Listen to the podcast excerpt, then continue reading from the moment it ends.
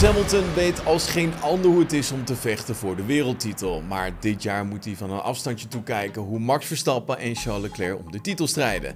Dus ja, wie hoopt hij nou eigenlijk wie de winst pakt dit seizoen? Het is een publiek geheim dat Hamilton diep van binnen een Ferrari-fan is. En zijn voorkeur in deze titelstrijd laat zich dan ook wel raden.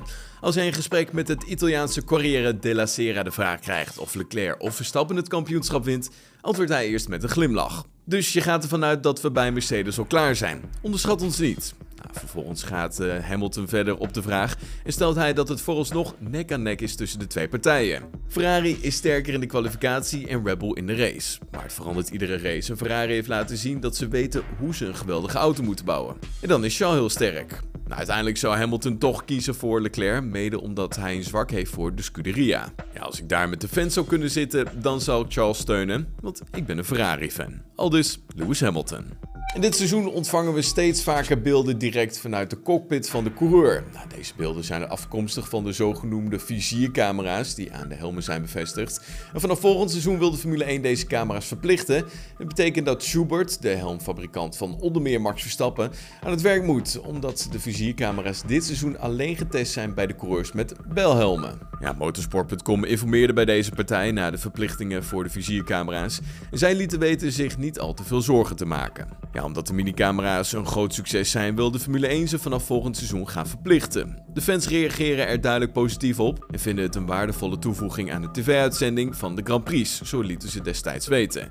En Marco heeft een update gegeven over de stand van zaken omtrent het onderzoek naar de groene Red Bull van Aston Martin. Tegenover Motorsport Totaal zegt Marco, adviseur van Red Bull Racing, dat het team via het onderzoek nog geen bewijs heeft kunnen vinden van eventuele gestolen gegevens. De stand van zaken is dat we niets concreets kunnen bewijzen en dat we dit niet nastreven, omdat we Aston Martin niet als een directe concurrent van ons zien.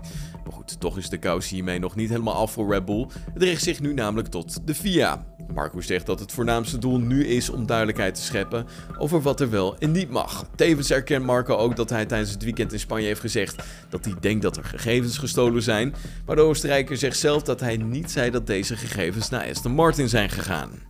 We willen graag duidelijkheid van de FIA over hoe ver je kunt gaan. Want we hebben een zusterteam, Alfa Tauri. En als je dat consequent interpreteert, ja, dan zou Alfa Tauri meer op de Red Bull moeten lijken. Al dus, Helmut Marco. Dat was hem dan het nieuws van vandaag. Heb je genoten van deze aflevering? Laat van je horen op onze Apple Podcast pagina of volg ons op Spotify. Zie ik je morgen weer. Tot dan. Hoi.